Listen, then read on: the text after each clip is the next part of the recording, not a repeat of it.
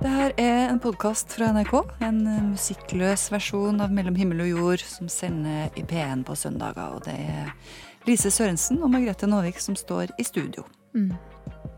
Skulle jeg snakke nå? Eh, Vi legger jo ei eh, uke med ganske dystre klimaspådommer bak oss. Mm. Noen har sett levende fisk i Dødehavet. Ja, vet du, det er jo faktisk en spådom fra Bibelen. Jeg tror det er en sånn Esekiel eller noe sånt. Mm -hmm. Som sier at uh, det her skal varsle at nå er enden nær, da. Å nei. Mm. Levende fisk. Hvis man tror på sånt, er det noe håp? Da kan man spørre seg. Man kan spørre seg, og det i hvert fall på børsen. I det hele tatt. Ganske dårlig fått. Skal vi snakke om noe annet? Ja, det er jo Jeg leste på forskning.no at det er en veldig sånn vanlig menneskelig respons. Ja. At når det blir for vanskelig, så sier vi nei, vi snakker jo om noe annet. Ja. Jeg husker mora mi hun brukte å si sånn hvis det ble veldig sånn heftige diskusjoner i huset, så sa Nei, er det noen som har lyst på kaffe, kanskje? det er litt sånn, ja, ellers, da? ja. Og vi gjør det med åpne øyne, snakker om noe annet. Mm. Mm, ser litt framover. Og hva mm. ser vi? Um, Skjebnevalg hos uh, Kristelig Folkeparti. Hvem mm. skal de samarbeide med? Mm. Skal de gå til høyre eller venstre i politikken? Ja. I Finansavisa på lørdag så sammenligna Trygve Hegnar uh, Kristelig Folkeparti-lederen Knut Arild Hareide da, med Judas Iskariot, den store svikeren i fortellinga om Jesus. Og han eh, sa faktisk også at Judas Iskariot han hengte seg og det kom til å gå dårlig med Hareide òg. Så dette var ganske drøyt, altså. Det var ganske på stortromma der. Ja. Og Knut Arild Hareide han har fått uh, trusler tidligere i år òg, hvor han blir omtalt som en Judas. Mm. Judas og Jesus. Ja, Judas og Jesus. Det var jo ja. Jesus han svikta da. Ja. Um, så antyder folk at Knut Arild Hareide svikter Jesus. Er det sånn? Kanskje det. Men, eh, men, skal dette synet på Jesus uh, avgjøre noe, da? For ja. Kristelig Folkeparti? Det kan man jo spørre seg om. Uh, og det kan man jo spørre folk på gata om. Ja, det har vi jo gjort, da. Var Jesus en liberal som ville ha gått til høyre? Eller en sosialist som gikk til venstre i politikken? Jeg føler han ville ha valgt venstresida. Det er fordi det er en tanke om at alle skal alle like mye verdt og har det likt, og alle skal ha det bra. Så jeg føler på en måte venstresida passer mest til det, mens høyresida er mer sånn ja ja, fin tanke, men det her er mer realistisk. Nei, men Hvor tror du han ville trives best, sammen med Jonas Gahr Støre eller med Erna Solberg? Egentlig ingen. Jeg syns de er spesielle begge to. Spesielt på hvilken måte, tenker du? Ja, Erna hun er jo veldig den her eh, love og lyg, syns jeg samtidig. Ja. Og han andre han har jeg ikke helt så veldig sansen for i bunn og grunn, han heller. Så hvor han stiller seg der eller der, det er for meg så, så vet ikke jeg hva jeg skal si. Hvor han bør være hen. Nei. Nei. Men, eh, kjenner du til denne Jesus-skikkelsen, eller? Ja, jeg hadde ei mamma som har vært veldig sterkt Jehovas vitne, da, så jeg har nå fått litt religion opp gjennom årene mellom ørene, ja. ja. Jeg, jeg vet ikke hva som er best og ikke.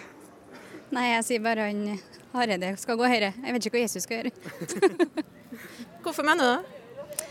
Nei, eh, det er vel fordi at jeg syns at de verdiene som Høyre og ja, den regjeringa vi har i dag, den syns jeg, skal, den synes jeg fungerer bra. Så syns jeg ikke Erna skal gå av. Og hvis det er det det her resulterer i, så syns jeg KrF skal gå en runde til. I hvert fall vi ungdom lærer at venstresida er litt mer sånn Man tenker at alle skal ha det likt. Så de blir på meg at det er mer sett på sånn idealister, mens høyresida er mer sånn konservativ som tenker sånn Ja ja, men det er ikke mulig, fordi vi må også tenke på bla, bla, bla. Men, men høyresida, da han Var ikke Jesus også litt sånn individualist, da, på en måte? Jeg tror ikke han liker litt det med høyresida? Det han mente om hvert eneste menneske, var bare at liksom alle er en egen spesielt individ og sånt. Jeg føler du kan følge venstresida og gi og gjøre til at alle får det likt, uten at nødvendigvis du må gruppere alle. Så du er fortsatt et egen menneske med egne rettigheter og kan fortsatt gå i hvilken retning du vil. Jeg kjenner ikke han Jesus så veldig godt, altså, men jeg uh, tenker jo at han ville gjort uh, noe, noe, snilt. Jeg, jeg er ikke noe som jeg kjenner Jesus, så er han jo veldig ålreit fyr. Så jeg tenker jo at han ville gjort det beste for alle. da. Og det vet jo ikke jeg hva jeg er. Det gjør jeg jo ikke. Jeg er ikke politisk engasjert i det hele tatt. Han hadde stått for den sida som ikke kommer fram ennå. Han har krevd at uh, Rødt skulle ha vært med i regjering. Hvorfor eh, mener du det? Jo, det, det er jo der du har rettferdigheten. For det er rettferdighet Jesus står for for deg? Ja, ja, ja. Og nestekjærlighet. Man kan ikke styre et land ut ifra religion. Men man må jo respektere andre sin religion. Men man kan ikke styre landet ut fra det. Han hadde skapt sitt eget parti. Altså, jeg tror ikke han hadde valgt en side, for å være helt ærlig. Han hadde funnet på noe helt nytt? Eh, På en måte, ja. Eller uh, han hadde stått for det han hadde stått for. Venstresida? Ja, det er jeg helt sikker på. Det er jeg enig i, ja. Hvorfor det? Nei, det er litt radikal vanevel, kanskje. Så det, han passer godt på venstresida. Hva tenker du om det? Jeg er enig i det. Ja. Radikal type? Veldig radikal, egentlig. Ja. Ja. Hvorfor er du sikker på at han ville ha gått til venstre? Det var det, for at eh, der mener jeg at det der eh, blir mer At det var det rettferdige, for å si det sånn. Det tror jeg. En kapitalist. Han var ingen kapitalist? Nei, nei. Rensa tempelet, vet du. Han rensa tempelet. Det er ikke det jordiske som er viktig, liksom? Nei. Nei. Tenker du at eh, Jesus var en sånn mer eh, ja, borgerlig type da, som, som passer best inn i det øvre sjiktet av samfunnet, for å si det sånn? Nei, egentlig ikke det. Den, egentlig til den vanlige borger, men jeg vet ikke om verken Erna eller en Støre er der, da. Hva syn har du på den Jesus-personen, da? Jeg har egentlig ikke så veldig mye syn på han. Jeg har ikke hatt noe beskaffenhet med det, egentlig. Du har ikke snakket med han i det siste? Nei, jeg har gjort det, så. har ikke jeg. Men eh, min oppfatning er at han, han var en vanlig person. Ja, det var du, Lise, og Ove som spurte folk eh, om hvor Jesus vil trives best, til høyre eller venstre i norsk politikk. Det er jo litt lettvint spørsmål, det her, da. For Kristelig Folkeparti definerer seg sjøl som eh, kristendemokrater, og det fins en tredje vei, sier de sjøl. eh, de trenger ikke å gå til høyre eller venstre, de kan stå i midten. Mm. Men det som er litt interessant, er at de fleste mener jo at Jesus er på deres lag. Ja. Vi skal holde litt på det temaet her, for du har snakka med Einar Øverenge om Jesus. Einar Øverenge, siden du er profesjonell tenker, mm, filosof, så har jeg bedt deg om å bli med og tenke litt på det vi snakka om før musikken her. Hvem var Jesus? Og hva slags rolle kan vi tenke oss at han tok, hvis han nå skulle ha deltatt i norsk politikk i 2018? Um, det er ikke så lett å vite hvem den historiske Jesus var. Vi er ganske sikre på at han eh, levde. Eh, men vi kjenner han selvfølgelig gjennom nedtegnelser som eh, skjedde etter hans død. Og da er det jo selvfølgelig med stor fare man utsetter seg for det som kalles anakronisme. ikke sant? Det å se hva ville han faktisk ha ment om konkrete politiske forhold i dag. Det er litt dårlig gjort. Men vi ja, det er litt vanskelig å plassere han inn her. Og jeg tror vi skal være litt forsiktige med det også. Eh, Kristendommen er en trosreligion. Det handler om å tro på Gud. Det, vi har de ti bud som sier noe om dette. Det sier at du skal ikke ha andre guder enn meg, du skal ikke misbruke Guds navn, du skal ikke slå i hjel og ikke bryte ekteskap og ikke stjele. Den type eh, etiske påbud, eller moralske påbud, er greit nok. Men de er nok forenlig med veldig mange politiske posisjoner. De er nok forenlig eh, både med å være på høyresiden og det å være på venstresiden og det å være i sentrum. Og de er nok forenlig eh, med posisjoner der hvor mennesker er svært uenige om saker og ting. Og jeg tenker også at man skal være veldig forsiktig med å konkretisere kristendommen ned i politiske standpunkter. Det tror jeg vi skal være svært forsiktige med. Men nå har vi jo liksom reservert oss litt, eh, Einar. Så hvis vi nå tar sjansen lell da, og sier at eh, ok, han lever i 2018, han må samarbeide med noen, han må gå til høyre eller venstre. Hva, hva gjør han? Ja, jeg tror kanskje han da ville vært svært subtil og kanskje ikke gjort noe av det. Eller kanskje ikke vært i sentrum. Men han hadde, jo kanskje antageligvis vært en person som eh, var en blanding av både prinsipiell og pragmatisk. Å søke grunnlag, fellesskap, enighet. Åpne opp kanskje for forskjellighet. eh, ha aksept for at mennesker har forskjellige oppfatninger. Men altså, går det an å se for seg at han har hatt en slags rolle utafor politikken? Som en kommentator eller en, øh, en revolusjonær, eller hva, hva tenker du? Ja, du ber meg om å spekulere ganske vilt her også. Det er eh, selvfølgelig veldig vanskelig å se det. Men han var jo selvfølgelig en person som, eh, hvis vi skal feste litt i det i og for seg vet man, som, som, som utfordret autoriteter. Det var han. Og det kan være at han ville ha vært en person som nettopp utfordret autoriteter. Men nå har jo vi erfart, eh, NRK har erfart, som det heter, at eh, folk gjerne tenker at Jesus er på laget mitt. Enten de er kristne eller ikke. Eh, klarer du å tenke at Jesus kanskje ikke var enig med deg, eller? Jeg klarer å tenke det. Altså, rent sånn rasjonelt klarer jeg å tenke det. Jeg husker det var en professor en gang som ble spurt Han ble pensjonert professor, og spørsmålet var hva hadde han lært gjennom et langt forskerliv. Og det han hadde lært, sa han, gjennom et langt forskerliv, var at de som var uenige med han, ikke nødvendigvis tok feil. Mm. Men det er jo en kunnskap som sitter langt inne. Jesus eh, er en person vi forbinder med, eh, med håper å si, en høyverdig moral. Mm. Og det er veldig få mennesker som selv tenker at de er direkte umoralske. Så de tenker at de standpunktene jeg har, eh, kan jeg moralsk forsvare. Og hvis jeg mener jeg kan det, så er det vel grunn til å tro at da ville en person med høy moral kanskje være enig med meg. Så da er det ikke så rart om de fleste ville si at ja, han ville eh, kanskje ha vært på lag med meg. En, person, en kristen person ville jo kanskje ha tenkt at jeg, jeg, jeg har tuftet mine tanker på min kristne overbevisning. Eh, men nå er det faktisk sånn at to personer som er sterkt uenige, kan begge oppleve å ha tuftet sine tanker på sin kristne overbevisning. Nemlig. det er jo nettopp det som er litt eh, både kanskje pussig, vil noen si, men ganske interessant også. Men det skyldes nok også at kristendommen er også en trosreligion. Den driver ikke og foreskriver direkte regler. Det sterke med kristendommen egentlig er at den står nesten i en sånn gresk filosofisk tradisjon der hvor man også inviterer individet til å reflektere, ta inn over seg også bruke sin fornuft. Eh, eh, og ikke bare slavisk følge påbud og regler. Og de, de, ordene som går igjen, og de ordene som blir lagt størst vekt på på Kristelig Folkeparti sine nettsider og i deres program, det er jo nestekjærlighet og menneskeverd. Og det ja. kan du vel finne både her og der? Jeg tror det. Og jeg tror vi skal være forsiktige og tro at det er Kristelig Folkeparti som nødvendigvis har vært partiet til Jesus. Det kan ha vært det, men det kan ha vært et annet også. Senere i sendinga skal vi snakke om Jordan Peterson, den canadiske psykologen og forskeren som solgte ut Oslo konserthus på en time nylig. Den britiske avisa Christian Today kaller Peterson den nye Messias. Eh, har du, kjenner du til Peterson, og, du, og har du noe formening om hvorfor han treffer så hardt, eh, Einar Øvringen?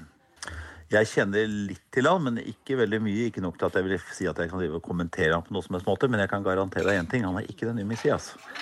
Det må ha vært eh, like over nyttår i 2017. Jeg hadde akkurat rydda opp plass etter middagen og satt på kjøkkenet og hørte på radio. På kjøkkenet vårt står det en svær, gammel, brun skinnsofa hvor vi gjerne setter oss hvis vi har noe på hjertet. En sønn slapp seg ned i sofaen. Det her var første gangen jeg hørte navnet. Mamma, har du hørt om Jordan Peterson? Han hadde ikke hørt kongens tale på nyttårsaften, sønnen min. Han hadde hørt eh, en annen, og for han mye viktigere, tale på YouTube fra en forsker og psykolog fra Canada som hadde sagt et eller annet om at det var viktig å rydde på rommet sitt og ta ansvar og rette seg opp i ryggen. We need to wake up, individual man and woman alike. And we need to do it now. We need to take responsibility instead of incessantly insisting on our rights. We need to become adults instead of aged children. Ansvar viste seg å være et stikkord i denne nyttårstalen. Ansvar. Og det rare var at to dager etterpå så kom en annen sønn opp trappa og satte seg ned i den brune sofaen og sa Har du hørt om Jordan Peterson død, eller? Har du snakka med bror din, eller? sa jeg. Nei, jeg hadde ikke det. Så hva er det her? I mellomtida hadde jeg søkt litt rundt på nett for å se hva det kunne vært som fenga han første sønnen som kom og satte seg i sofaen. Jeg fant ut at eh, Jordan Peterson han heter Bernt til mellomnavn, oldefaren var norsk, at han er lite populær i akademia på andre sida av Atlanteren, blant annet fordi han nekter å følge et tillegg i det canadiske lovverket som kan gi deg en dom hvis du bruker feil pronomen på en person. Altså hvis du insisterer på å si han eller hun istedenfor hen, for å oversette til norske termer. So, in the coming year, plan to make yourself a better person. Jordan Peterson holder lange foredrag, og mange ungdommer sitter fengsla foran PC-en. Fix what you can and would fix. Start now. Jeg lurte på hva slags behov det var guttene mine hadde. Eh, Hva er det som treffer fra denne gråhåra karen med lange foredrag? Er det flere som er truffet? Det er mange som er forbanna på Jordan Peterson. Men såpass mange er begeistra at da det ble klart at han kommer til Oslo nå i oktober, så ble alle setene i Oslo konserthus, hvor han skal holde foredrag, utsolgt på én time. Altså et foredrag.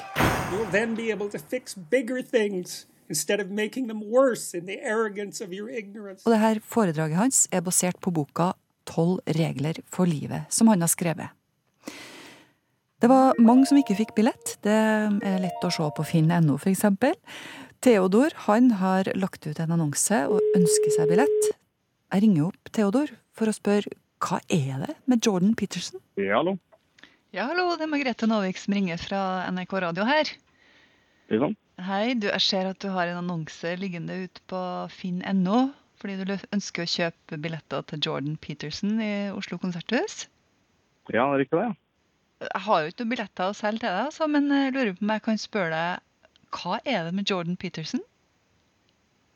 Jo, altså Han er jo lærer i Universitetet av Toronto som klinisk psykolog. Og snakker mye om mennesker og samfunnet, hvordan vi fungerer, hvordan vi kan forbedre livet sammen. og jeg vil ja, være litt bedre mot hverandre, da. Men samtidig ha et kritisk uh, mindset. Så det er en bedre verden, liksom, du tror på? Kanskje det. kanskje det. Jeg tror det er En av de viktigere poengene som man også bringer fram, er verdier i livet som man burde ha satt pris på. Eh, Ikke bare med hverandre, men også viktig for seg sjøl òg. F.eks. du må holde rommet ditt eller huset ditt ryddig før du dømmer noen andre ut i verden. Og du må ha skuldrene og ryggen din bratt opp eh, når du skal ta og forberede deg mot verden og utfordringene som kommer ut der. Det er veldig sånn enkle råd, da, egentlig. Ja, det er veldig enkle, men kanskje det vi trenger. Ofte i historien så er det jo mye hva skal jeg si, history tends to repeat itself, men eh, han er en mektig talsperson for det. Og jeg tror det at eh, sånne ting er veldig viktig. Eh, mange ungdommer i dag liker f.eks. superheltfilmer, for der er det mening, handling og purpose. Eh, og da kan man drømme seg bort i det. Jeg tror det at Jordan Peterson kanskje lar oss være superhelten i vår eget liv, da. Istedenfor å på en måte bare ta inspirasjon fra en Hollywood-film. Ja, Så du får litt sånn trua på deg sjøl, er det sånn, eller? Ja, absolutt. Det er jo veldig mange som er sint på Jordan Peterson. Hva tenker du om det? Hva er det de reagerer på? Uh, jeg tror vi er veldig redd for å snakke om ting i dag, og det syns jeg er dumt. Uh, I hvert fall med media og, og sensur og sånt. Vi er mennesker. Vi skal utfordre altså Vi skal dra ut i verden her med en utfordring sammen, og da må vi snakke om det istedenfor å sensurere. Ja, Ja, Inspirerende til å snakke mer åpent om ting du tenker på? Er det sånn? absolutt. Vanligvis når vi snakker med venner, så er det en sånn sosial barriere som skal på en måte kontrollere alt det vi skal si. Eh, og da blir det en mye krasj av ulike typer kulturer. Men hvis vi ser forbi det og faktisk snakker som mennesker, så tror jeg det at vi kommer til å komme mye lenger her i verden. Tror du at du kommer til å få billett, eller? Vi satser på det. Jeg håper det. Jeg har en bok her som jeg håper at jeg kan få signere hvis jeg får noe VIP-billett. Så du har boka, du har lest boka? Det Jeg holder på å lese eh, 12 Rules for Life akkurat nå. K- Kan jeg spørre til slutt, Hva er den viktigste regelen eh, altså av de tolv reglene som du har sett hittil? Hva, hvordan er det som treffer deg mest? Uh, jeg tror uh, Oi, eh, det er et stort spørsmål. Uh, det er mange regler, men jeg tror, jeg tror den ene er, veldig, veldig riktig. og Det er den at du må holde ting ryddig før du på en måte dømmer verden. Start small. As you master the process, you can safely and competently expand your reach. You will then be able to fix bigger things instead of making them worse in the arrogance of your ignorance. If you do this, and the world, for all its shortcomings and faults, will be a better place. Happy New Year, and best wishes to you all. Ja, han eh, gråt faktisk flere ganger i løpet av denne nyttårstalen han holdt ved årsskiftet Det var det, 2016-2017. det han holdt på med. Ja, det han hørtes det. veldig inderlig ut i stemmen. Og i kommentarfeltet under så sto det liksom av eh, omsorgsfulle unge menn Jordan Peterson, nå må du ta deg en pause, vi vil ikke miste deg, og sånn som dere der. Oi, de er skikkelig fans. Mm, vi kan jo også nevne at uh, han her kanadiske psykologen han setter fyr på folk når han sier f.eks. at feminismen er veien mot et totalitært samfunn. og at nei, det er ikke sikkert at det er feil at det er lønnsforskjell mellom kvinner og menn. Kanskje det er en god grunn for at det skal være sånn. Oi. Mhm. spennende. Jeg vil gjerne høre den gode grunnen for det. Ja.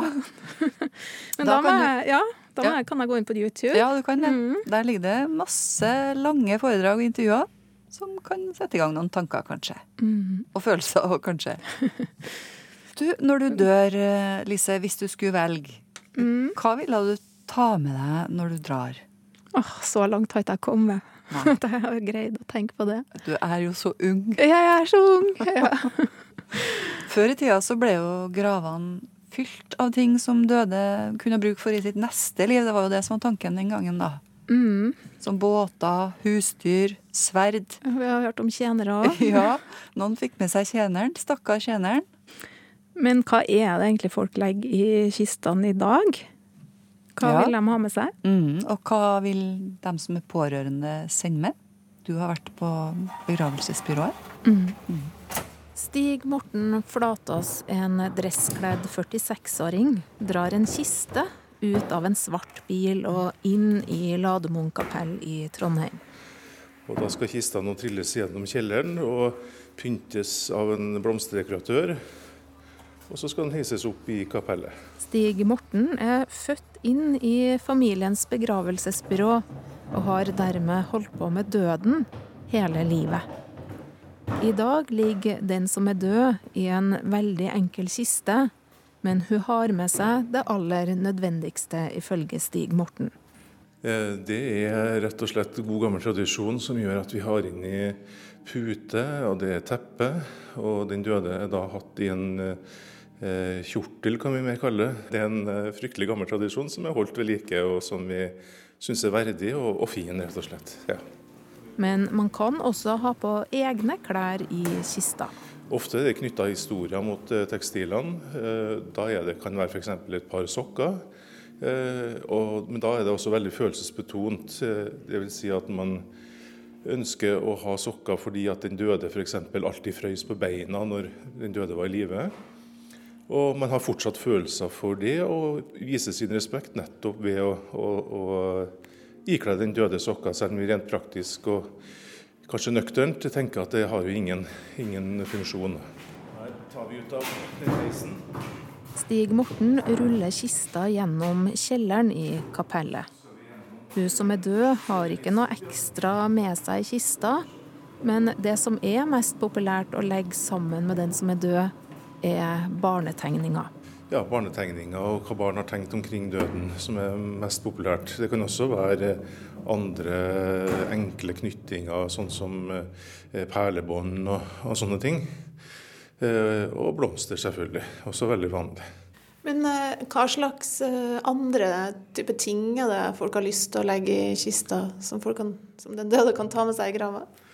Det har vært eh, bunker med ukeblader, parfyme eh, i flasker, føler jeg merker det. Eh, Det er ikke uvanlig å dusje på parfyme, da. Det, det skjer. En litt andre ting som man kanskje kan tenke litt underlig, å ha briller. At eh, den som er gått bort skal ha på briller. eh, Det har jo heller ingen funksjon rent sånn fysisk. Det kan være foto, f.eks. Da en del som har med seg fotorammer. Eh, Det kan gå greit hvis det er en treramme. For det er ikke fritt frem å legge hva som helst i kista. Det skal kun brytes ned i jorda eller brennes opp i kremasjonsovnen. Kista i Lademoen kapell blir rulla inn i heisen. Den er ferdig pynta med blomster og skal nå opp i kirkerommet. Før i tida la man ting i grava som man tenkte at den døde kanskje kunne få bruk for i sitt neste liv. Men sånn tenker ikke folk i dag, tror Stig Morten. De fleste tror ikke jeg har den sterke tanken lenger om at det, at det skal has med jordiske ting i neste liv. Men svært mange føler at det er et åndelig liv. Og mange møter vi i forbindelse med eh, Når de møter den døde i åpen kiste, så har de klare tanker om at det er et eh, liv eller eksistens i, i etterkant. Da eh, har de lagt ned i dikt og, og, og gode ord av og til sammen med blomster, da, men mye foregår eh, i sjelslivet, og kanskje ikke så mye eh, i det fysiske. Ja, da begynner vi å ha det snart klart, da. Da er det til familien kommer. Gravferdskonsulent Stig Morten og blomsterdekoratør Monica gjør klar de siste detaljene før bisettelsen starter. Hva har du lyst til å ha med deg i kista di da, når den tid kommer? Ja. I og med at det er en mann som uh, har holdt på å jobbe med det her uh, hele mitt uh, liv siden jeg var liten, nå er jeg jo 46 år gammel, så har jeg funnet ut det at jeg har lyst til å overlate til de som da lever etter meg. Og hvis de har ønske om noe, så skal de få lov til å gjøre noe. Jeg har ikke lyst til å sette noe behov, altså noen retning for hva som skal skje etter min død. Jeg håper bare at verden lever lykkelig videre. Ja. At verden lever lykkelig videre, sier gravferdskonsulenten Stig Morten Flatås, og det er jo, det er jo en fin tanke. Mm. Jeg lurer litt på hun her som fikk med seg en bunke ukeblader. Hva, hva, var tanken bak det? tror jeg? Ja, Det glemte jeg å spørre noen. Ja, Var det at hun skulle ha noe å lese på, liksom? Eller var det det at de pårørende ville bli kvitt ukebladene, eller noe sånt? Ja, Det får vi lure litt på, tror jeg. Det er mange tanker rundt gravferd. Og det her med å ta med seg ting i grava, jeg ble jo litt nysgjerrig da, på hva folk på gata vil ha med seg. Ja, var det vanskelig å gå ut og spørre om det? Det Litt sånn alvorlig tema, på en måte. Jeg har tenkt litt på det. For det er jo litt sånn Hei, kan jeg stille et spørsmål? Ja. Eh, Hva vil du ha med deg i grava? Ja. Nei, men folk eh, tok det på strak arm, altså. De gjorde det. Jeg lurer på om du må ha smila litt, for det kom litt eh, morsomme ting. Det ble artigere enn jeg hadde trodd å snakke om det her, faktisk. La oss høre. Eh, Minst mulig. Minst mulig? Ja. Hvorfor minst mulig? Jeg må ha lett bagasje. Så- ja, ja, nei, En vet nå ikke hvor godt det er utstyrt den kommer, da, men eh, det er best å stille med blanke ark. Reise lett. Hæ? ja, travel and light. Jeg vet ikke, kanskje noen jeg er glad i? Helst noen andre? Ja. En annen person som også er død. Hvorfor vil du det? Jeg vet ikke, kanskje man havner sammen en plass etter døden, da. Da vil ikke du dra dit alene, liksom? Nei, det er litt eh, Man vet jo ikke hva som skjer etterpå, så jeg tenker man kommer jo langt med å ha noen man er glad i, da. Poleringsmaskinene. Hva sa du? Poleringsmaskiner. Hvorfor det? Jeg jobber som uh, kosmetisk klarer. Og Den er du bundet nært til. ja, det. Syns du var meg kallen min, jeg. Det er plass til dere alle tre, kanskje? Ja, det er jo kallen min. Ja, jeg slutter. Og poleringsmaskiner. Har ikke bruk for noen ting, jeg.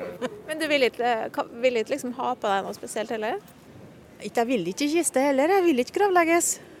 Hva vil du, da? Jeg vil sånn vikinggravlegg med sånn ut på sjøen og bål på flåtøy på å bli brent opp.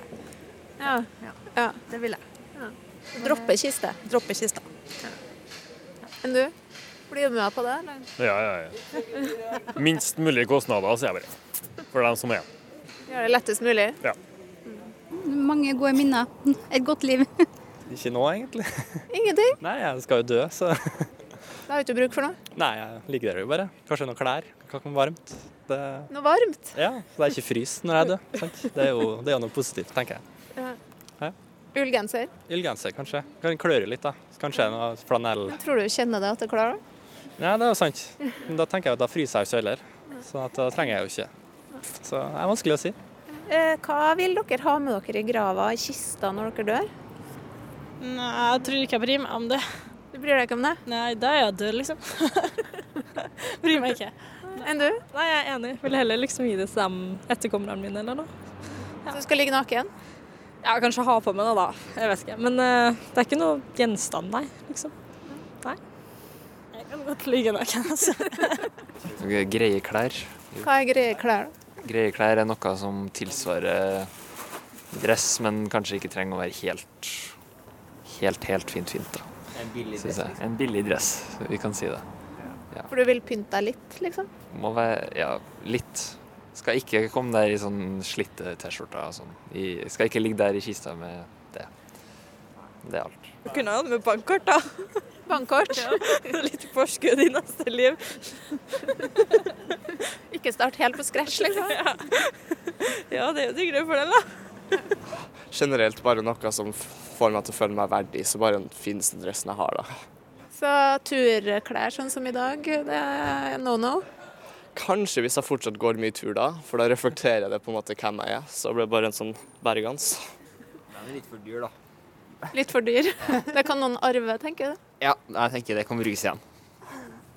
Men, eh, men, hvorfor er det viktig at det skal reflektere hvem du er liksom, nedi der? Altså Rett før døden så tenker man på en måte over hva har jeg gjort, hva er jeg, og alt det der. Så jeg føler også at i grava burde det på en måte Du skal ligge der som den du var når du døde. Det er på en måte viktig å fremstå sånn som man har vært da man døde. Død. Være seg sjøl mm. i grava òg. Ja, ja, det er jo en fin tanke, det. Og ikke ta med seg for dyre ting. som går i arv. ja. ja. Det her var folk på gata i Trondheim.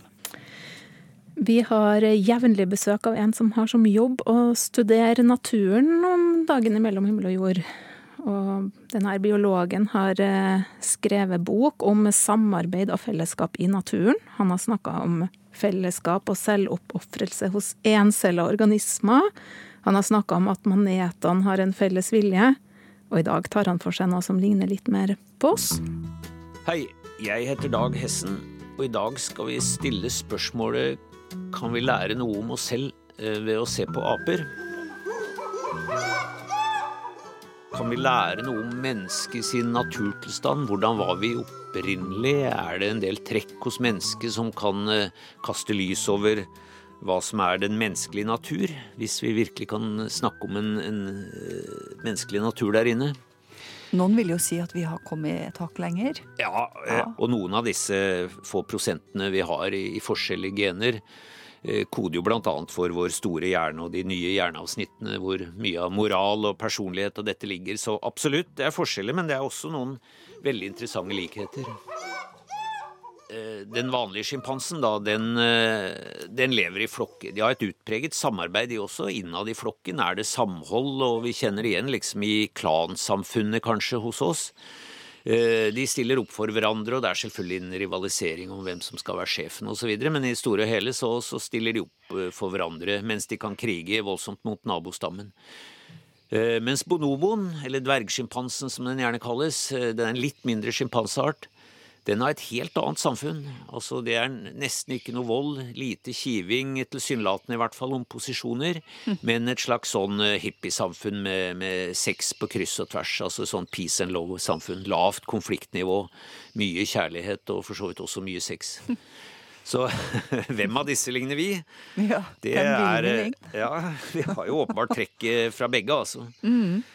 Eh, det er ingen tvil om at, eh, at, eh, kjærlighet og samhold og for så vidt sex er viktig hos vår art, men vi har jo også utvilsomt anlegg i oss for å utøve vold, og kanskje særlig da vold utover gruppen, mens vi har et veldig sterkt samhold innen gruppen. Jeg vet ikke om du så den nyheten i sommer om russe russestammesamfunn som gikk mot hverandre jo, altså, i Hellas? Det var ikke så lett å unngå den. Eh, og jeg tenkte akkurat det samme. Altså, når du ser en sånn eh, guttegjeng som stormer etter en fra en annen russebuss, så er det veldig likt eh, apesamfunnet, altså.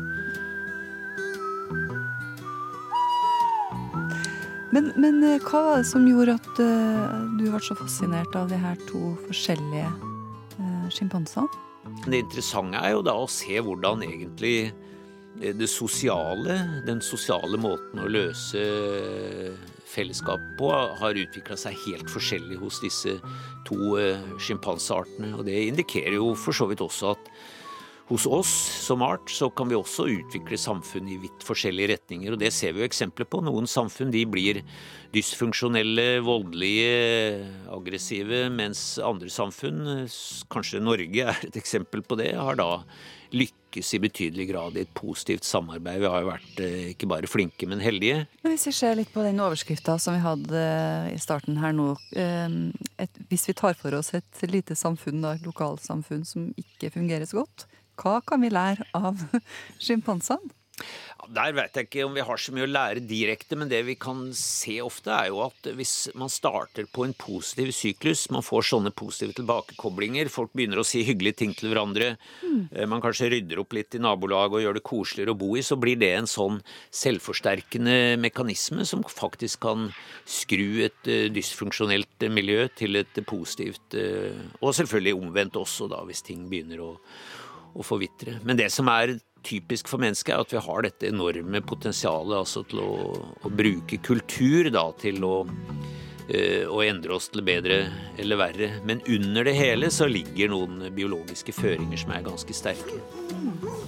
Det sier Dag Hessen. Han jobber ved Universitetet i Oslo og har bl.a. skrevet bok om det han snakker om her hos oss for tida. Mm. Den heter Vi, med undertittelen 'Samarbeid fra celle til samfunn'. Han starta her i radioen tidlig i høst med å fortelle at selv encella organismer ofrer livet for fellesskapet, og nå nærmer vi oss mennesket.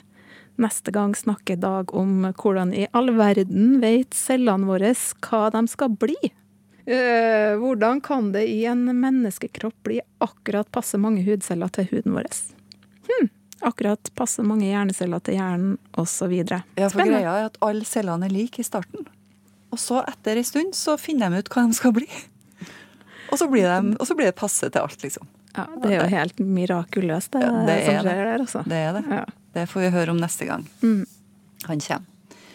Det skal handle om eh, relikvier, altså sånne gjenstander eller deler av døde mennesker som har eh, en spesiell betydning, særlig den katolske kirka. Mm, og på fredag så venta katolikkene i Trondheim i spenning. Da fikk de nemlig besøk av Den hellige Teresa, som er ei 24 år gammel dame som døde i 1897.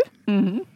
Og siden 1997, da, altså da 100 år senere, 100 år senere så har denne Teresa vært på en eh, aldri så liten verdensturné, og nå har da turen kommet til Norge. Ja, tenk det at du reiser på turné 100 år etter din død. Det hadde ikke hatt rudd, tenker jeg. Nei. det er imponerende, faktisk. Ja, og reporter Aksel Faanes Persson han var, var der utafor den katolske kirka i Trondheim noen timer før denne kista da med Den hellige Teresa kom.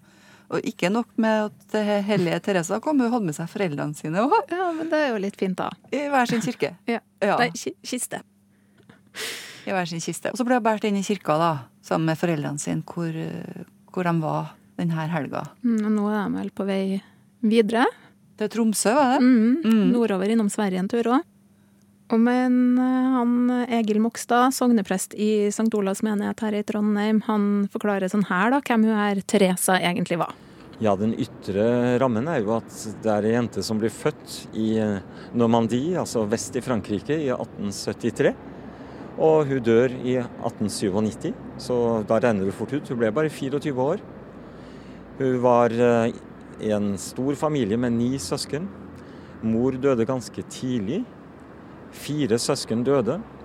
Alle fem gjenlevende søstre gikk i kloster, faktisk. Ja, En praktfamilie for, for klostrene på den tida? Ja, det var en utrolig framhet i familien, det må vi si. Men, men, men, livet hennes, hun valgte jo å gå i kloster veldig tidlig. Den, må, den historien må du dra om hvordan hun kom seg i kloster. Ja, hun ville jo gå i kloster så snart som mulig. Men eh, det var jo både den kanoniske rett, altså kirkeloven, som eh, forlangte at hun skulle ha en viss alder. Dessuten var jo både den lokale eh, geistlige og biskopen også de var veldig skeptiske til at et så ungt menneske skulle gå i kloster. Da var hun 14 år, så vidt jeg husker. Så var med på en valfart til Roma. Og hun brøt da etiketten da de kom inn og fikk besøke paven. For hun eh, snakket til paven og sa 'Hellige Far, la meg få gå i kloster'. Det vakte oppsikt. Eh, det førte jo ikke til noe umiddelbart resultat, men faktisk en stund efter så ga de forskjellige seg, og hun fikk lov å gå i kloster. Ja. Og der var altså til å bli 24 år og, og døde av tuberkulose. Men så er det det store spørsmålet her. altså Det her er ikke ei dame som har reist verden rundt og gjort mirakler. Det er ikke ei dame som har eh, på en måte eh, fått noe sånn stort navn mens hun har levd verden over sånn sett. Altså Hvorfor er hun hellig? Det var ingenting som lå an sånn sett for det. Alle, syntes jo hun var uh, fantastisk. Men hun døde, og så fant man altså hennes dagboknotater. Og så åpenbarer det seg en dybde i et ungt menneskesinn som en bare må gispe over. Og det er nok det at hennes uh, dagbøker ble utgitt, som har gjort at folk ble kjent med henne, og at hun vakte oppmerksomhet etter hvert. Men Er det nok til å bli hellig, da? Nei, så skjedde det mirakler. Ja, ja, det var folk som ble helbredet, og som hårnakket sier at det skyldtes den lille Therese. Ja, for når man oppsøker grava hennes, det var en fireåring blant annet som var blind, og som plutselig fikk synet tilbake. Og så er det jo da veldig kritisk, altså eh, leger, også ikke katolske for all del, er med og vurderer eh, dette her. Så det er ikke hvilke som helst mirakler som blir godtatt. En står virkelig overfor noe som en ikke forstår når en kommer til det vi kaller mirakel. Hun reiser med stil. Ja, eh, det er klart. Hun er jo vant nå, skal jeg til å si. Det her har jo foregått siden 100-årsjubileet for hennes død, altså i 97, 1997. Så de har nok både en del rutiner på det, og så er det jo klart at eh, når en gjør noe så sjeldent som å sende en helgen ut på turné, så må det være på plass en del ting. Ja, for hun er jo på en verdensturné, og akkurat nå kommer hun da hit. Men altså, hva får man ut av å, å gå bort til en kiste med noen levninger oppi? Ja, si det. Der er det troen som slår inn. Og det er jo veldig, skal jeg bruke det uærbødige uttrykket, artig at eh, hun kommer til oss her i Trondheim. For vi er jo litt vant med det her fra gammelt av. Vi hadde jo Olavskrinet.